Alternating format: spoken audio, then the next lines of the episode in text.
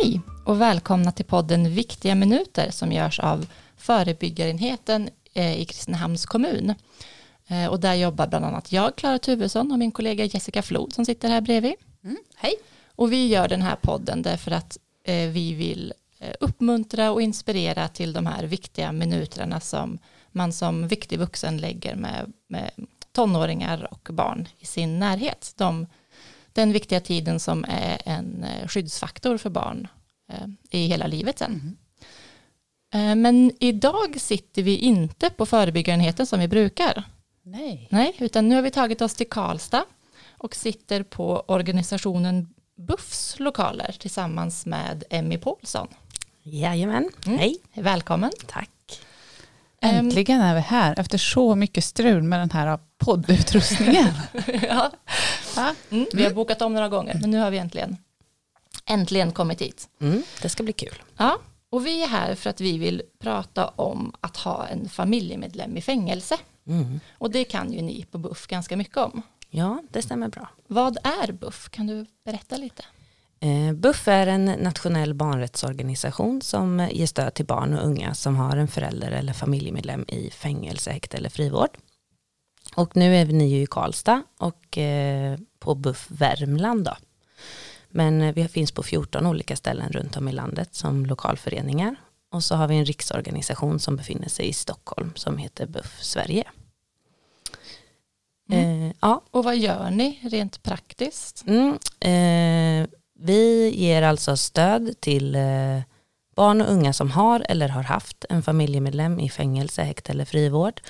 Eh, själva grundtanken med organisationen är att barn ska kunna komma hit, eh, träffa andra barn eh, som befinner sig i liknande situation som en själv. Eh, det kan ofta kännas väldigt avlastande och som en frizon för barnen att se och veta om att man inte är ensam om att ha en familjemedlem som, som sitter i fängelse och det skapar en fin gemenskap och tillsammans med barnen och deras föräldrar och familjemedlemmar som finns kvar på utsidan då så hittar vi på olika aktiviteter eh, på olika sätt och eh, erbjuder även stödsamtal och stödgrupp om man ska sammanfatta det kort. Mm. Hur fångar ni upp barnen? Eh, det sker på olika sätt och vi hör ifrån barnen och ungdomarna som kommer hit att de faktiskt hittar hit på olika sätt. Men oftast är det kanske genom att en eh, skolkurator eller en lärare, en kompis eller någon annan vuxen i deras närhet som vet om att BUFF finns, att de har tipsat dem eh, om att det finns en organisation att gå till när man hamnar i den här situationen. Men också givetvis eh, genom kriminalvården, att man kanske antingen har fått brev hem ifrån sin familjemedlem eh, på insidan då, att, eh, att en broschyr om att BUFF finns, eh, eller att man kanske har sett det när man är där på besök, att eh, de ser en plansch eller en broschyr eller ett visitkort i väntrummen eller i besöksrummen och då får reda på att vi finns. Eh, sen kan det givetvis vara genom sociala medier eller hemsidan som vi har, www.buff.nu, som man alltså kommer till om man till exempel skulle googla på pappa i fängelse, så kommer vår organisation upp där. Mm. Varför är det viktigt att de här barnen och ungdomarna har ett stöd? Det är givetvis viktigt eh, att de här barnen och ungdomarna eh, får stöd eh, för att de dels ska kunna få prata om sin situation, Eh, få även kunskap och information om till exempel kriminalvården, hur det går till där, vad det, hur det ser ut och att de själva inte ska eh, gå och spekulera eller fundera utan att de ska få någon att prata med om just det här alltså specifika frihetsberövandet då. Mm. Och också givetvis vad som var orsaken till att frihetsberövandet skedde. Mm. Det kan ju vara um, olika typer av problematik som gör att, att man har en familjemedlem som uh, sitter i fängelse. Alltså psykisk ohälsa, missbruk, uh, annan kriminalitet eller våld i nära relation. Och då behöver man ju gå, gå någonstans och kanske prata med någon av de här bitarna och också få förståelse kring uh, ja, kriminalvården och hur det är på den sidan och rättskedjan och alla de bitarna för att kunna hantera sin situation. Socialstyrelsen gjorde ju en kartläggning också vad det finns för stöd eh, till de här barnen i landet. Mm. Det gjorde de 2018. Mm. och kom då fram till att 79 procent av eh, kommunerna i Sverige eh, har, erbjuder inget stöd till barn till frihetsberövade. Oj, det är ju mycket. Det är jättemycket. Oj, det är jättemycket. Ja. Och att det stöd som finns det ligger på ideell sektor. Mm. Jag tänker ni som träffar de här barnen här Eh, får ju en, en fristad. Men hur upplever ni att deras, eh, är det skamfyllt? Är det skamfyllt att prata om? Hur är deras psykiskt mående? Eh, ja, vi brukar prata om att eh, de här barnen bär på både skuld och skam. Eh, skam i den mening att eh, man inte riktigt vet vem man får prata eh, om det här med. Eh, och eh, man vet inte vad man får säga. Eh, Kan jag säga till min bästa kompis att pappa sitter i fängelse och kommer eh, den kompisen fortsätta vara min kompis om jag berättar det? Eh, Vi hör väldigt många historier om barn som har berättat och att då till exempel andra barns föräldrar då har, att man inte får leka med det barnet på grund av vad som har hänt i det barnets familj. Att barnet liksom blir straffat för det som dens föräldrar har gjort. Eh, och det inkluderas ju i skam då, att man väljer kanske att inte berätta då nästa gång om man märker att det är konsekvensen av att berätta. Eh, så det kan vara väldigt skönt just eh, för barnen att få komma hit. För här är det ju inget konstigt, utan här vet ju de om att alla barn som kommer innanför dörrarna här eh, har eller har haft liknande upplevelser som dem och erfarenheter. Och att man ska kunna prata om det när som helst och ställa sina frågor och, och få svar på, på det man undrar över och, och bara kunna vara sig själv utan att hålla inne med någonting. Vad är, vad är viktigt för mig som kanske om jag har eh, närstående eller som förälder att tänka på att ge mitt barn? Vad, vad, är det, vad skulle du vilja skicka med? Eh, det viktigaste som vi brukar prata om eh, när man har ett barn i sin närhet som befinner sig i den här situationen, det är att eh, försöka prata med barnet och eh, berätta och informera om vad det är som har hänt. Eh, och försöka hålla sig så nära sanningen som man bara kan. Eh, det är svårt eh, när man precis hamnar i den här situationen att man, har en fri, eh, att man får ett frihetsberövande i familjen och man vet kanske inte, inte riktigt vad man ska säga. Och det vi märker är att den första reaktionen ofta kan vara att man inte berättar för barnet vad som har hänt för man tänker att man skyddar barnet på det sättet. Eh, Men det vi hör ifrån barnen och det vi vet genom forskning det är att barn mår bra av att veta. Eh, Så att man liksom så tidigt som möjligt försöker förklara så gott man kan för sitt barn. Att nu har det här hänt, eh, det har ingenting med dig att göra. Det är absolut inte ditt fel.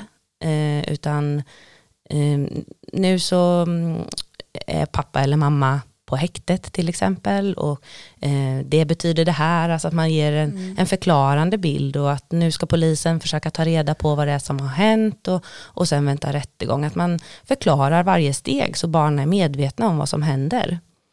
Det är väldigt många barn som inte får veta eh, var ens familjemedlem befinner sig. Helt plötsligt en dag var bara familjemedlemmen borta och de får inga förklaringar till vad det är som har hänt. Och man väljer att kanske säga att om det är en pappa då till exempel att eh, pappa åkte iväg och jobbar i Norge eller pappa är på semester eller eh, pappa fick ett jobb utomlands. Alltså man väljer att ta till de här eh, nödlögnerna eller vad man säger. För man är så otroligt rädd för att, att prata om kriminalvård och eh, vad som verkligen har hänt. Och det är såklart när man kanske är själv då i chock eller och familjen befinner sig i kris. Men att man så, så, så fort som man känner att man kan eh, försöka förklara för barnet vad det är som har hänt. Då. Jag har en till fundering. Mm.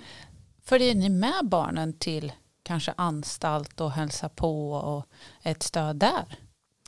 Eh, det kan vi göra. Det finns eh, möjlighet för oss att göra det. Men då är det ju att vi ska ha en relation med barnet eh, och att barnet ska känna sig trygg med någon av oss som jobbar här på BUFF. Det är det viktigaste. Är är det också en uppmaning så att alltså är det viktigt att man får fortsätta ha en relation med den som sitter i, i fängelse eller på anstalt eller är det upp till varje situation eller hur, hur brukar man tänka kring det? Det är såklart upp till eh, varje situation och att man framförallt är lyhörd för barnet och lyssnar på vad barnet vill och känner. Är det, märker man på ens barn att det är viktigt att den vill komma och hälsa på, att den vill ha kontakt med sin förälder, då tycker jag man ska möjliggöra det eh, så gott man kan. Men verkligen lyssna på vad barnet själv känner. Mm. För det är ju inte alla barn som vill åka och hälsa på eller vill prata med, med den familjemedlemmen som, som kanske har hamnat i fängelse. Mm. Barnen kan ju bära på väldigt mycket olika känslor. Mm. Eh, man kanske är jättearg på familjemedlemmen för att den gjorde så att den hamnade i fängelse. För det första. Och då måste man ju eh, ge barnet tid och låta barnet få eh, vara arg ett tag. Och, mm. och, bara vara lyhörd och lyssna på, på vad barnet eh, säger och vill och känner. Mm om man är den som, eh, som sitter i fängelse och har ett barn eller ett yngre syskon eller vad det nu kan vara. Farbror, morbror. Farbror, morbror, ja, ja moster. Vad, vad kan man göra då för att underlätta situationen för eh, barnet eller ungdomen i, i familjen? Mm. Eh, vi tycker det är viktigt att man, om man är den familjemedlemmen som sitter inne då, att man tar på sig ansvaret för det som har hänt just det här för, som jag pratade om innan, att man eh, kan då lyfta bort mycket skuld ifrån barnet. Ni vet kanske själva det att eh, barn har väldigt lätt och mm, på att eh, ta på sig skulden för, det, för saker som har hänt. Att man tror att det liksom på något sätt var deras fel. Att mamma eller pappa gjorde på det sättet som, som de gjorde. Att man var jobbig hemma eller bråkade mm. mycket med sina syskon och sådär. Så att då är det viktigt för den familjemedlemmen på insidan att man säger att du har inte gjort någonting mm. fel. Det var jag som gjorde fel, jag har gjort någonting som man inte får göra och därför måste jag vara här. Mm. Det är en otrolig lättnad för barnet att, att höra det. Mm. Och sen som jag sa innan så är det ju samma sak för familje, eller familjemedlemmen på insidan. Att eh, försöka vara så ärlig som man bara kan. Mm. Eh, att många barn som inte ens får veta då att de är där, att man berättar vad man är. Mm. Eh, och också berättar hur man har det att man ger en målande bild av hur det är på mm. insidan. Eh, barns bild av ett fängelse stämmer ju ofta inte överens med Nej, verkligheten. Nej. Yngre barn kanske kan relatera mycket till eh, när Bamse sitter i fängelse till exempel mm. i en kall grå grotta ja. med randig pyjamas och ja, en klump runt foten. Ja. Det är liksom deras bild av hur ett fängelse ser ut och då kan de ju bli väldigt oroliga för sin familjemedlem. Eh, så att man förklarar att man har en säng att sova i, man har en tv, man mm. kanske får titta på samma tv-program som barnet på utsidan. Mm. Eh, man har kompisar och man mm. får göra um, saker på dagarna så att man har en sysselsättning att få gå i skolan eller kanske jobba i verkstad eller sådär. Mm. Och även, ja. även för um, äldre barn. Ja. De har ju bilden av kanske amerikanska ja, Netflix-serier. Ja, uh, så att man förklarar att det inte ser ut så. Mm. Det finns jättefin eh, hemsida www.insidan.kriminalvården.se mm. eh, som är just för barn eh, och unga att gå in och se bilder från anstalter och häkten runt om i landet. Eh, hur det går till när man vill hälsa på och eh, bilder på besöksrum och, och sådär. Och där man också kan läsa och skriva sina historier, hur det kan vara för dem att ha en familjemedlem på insidan. Mm. Så det finns en del material att ta till och just skapa en bra bild, att man mår bra och har mm. det bra mm. eh, där man är. Mm. Så att inte barnet behöver vara oroligt eller? Precis. Mm. Vet du hur många barn som har närstående i, eller ja, på fängelse? Eh, kriminalvården har tagit fram eh, en siffra, men det är många år sedan nu, men de pratar om 30 000 barn och unga. Men då handlar det bara om förälder. Mm. Mm. Och då ska det också finnas en dom. Så mm. då är det alltså om man eh, förälder i fängelse eller att man har fått en dom inom frivården då. Så då räknar man inte med en annan familjemedlem, alltså ett syskon eller en bonuspappa eller en moster de barnen räknas inte med i den siffran och heller inte de barn som har en familjemedlem i häktet då, alltså när det inte finns en dom. Mm. Eh, så de här barnen är oräknade mm. och de är rätt osynliga i samhället idag i diskussioner och debatter mm. som förs. Eh, så det är ju något som vi på BUFF vill se att regeringen ger i uppdrag att för det första räkna de här barnen. Mm. För 30 000 är en liten siffra. Vi på BUFF har tagit fram en annan siffra och det är 160 000 barn. Mm. Och den är då beräknad utifrån hur många som har lagförts i Sverige och då också hur många barn en, en vuxen person har i snitt. Mm. Så det, där, det är det den siffran kommer ifrån. Mm. Så det är, ett det, är två ord, det är en viss skillnad ja, på 30 000 och ja. 160 000. Ja. Så vi vill gärna att, att barnen ska bli räknade mm. och att det ges i uppdrag till någon då. Det är ju en, en risksituation för ett barn att ha en familjemedlem i fängelse, eller hur? Det är barn som, som själva kan må dåligt och mm. själva Alltså det kan leda till andra negativa saker i ett barns liv. Ja, viss forskning visar ju att eh, barn och unga som befinner sig i den här situationen eh, och som inte får stöd har större risk att själva hamna i egen kriminalitet mm. och också drabbas av psykisk ohälsa. Mm. Så att det är ett jättestort förebyggande arbete som kan göras för de här barnen. Mm. Men då måste de för det första erkännas som en riskgrupp ja. och de måste bli räknade för att vi ska mm. kunna liksom hävda att vårt stöd behövs. Ja, precis. Och om man är, eh, alltså om man är eh, professionell, alltså om man jobbar som på skola eller socialtjänst eller om man möter barn och unga överhuvudtaget eller om man är en, en granne eller den här eh, förälder till en kompis eller så. Hur, hur, hur kan man tänka då? Eh, likadant som jag pratade om att det en familj kan vara svårt att prata om att man har hamnat i den här situationen så är, kan det ju kännas svårt för Eh, personer runt omkring barnet mm. att prata om det. Man är lite rädd för att prata om fängelse. Mm. Det är lite tabu mm. att mm. prata om, om, kriminalvård och om man vet att ett barn har en familjemedlem som, eh, som sitter inne då, att man inte riktigt vet, ska jag fråga, ska jag inte mm. fråga, ska mm. vi prata om det? Eh, jag vill ändå råda till att såklart vara lyhörd för barnet men att det är inte farligt att fråga mm. utan man kan våga fråga. Mm. Och då om man vågar fråga och barnet inte vill prata om det då har man i alla fall öppnat upp mm. för att du kan få prata om det med mig om mm. du vill. Och därmed tar man ju bort skammen och tabut tänker jag. Verkligen ja. och visar för barnet att det är okej att prata om detta. Mm. Mm. Och också då lyfta att eh, det är ju inte barnet som har gjort någonting fel. Mm. Eh, och att man ska kunna prata om det som familjemedlemmen har gjort. Det är inte barnet som är problem. De är ju anhöriga till någon som har problem.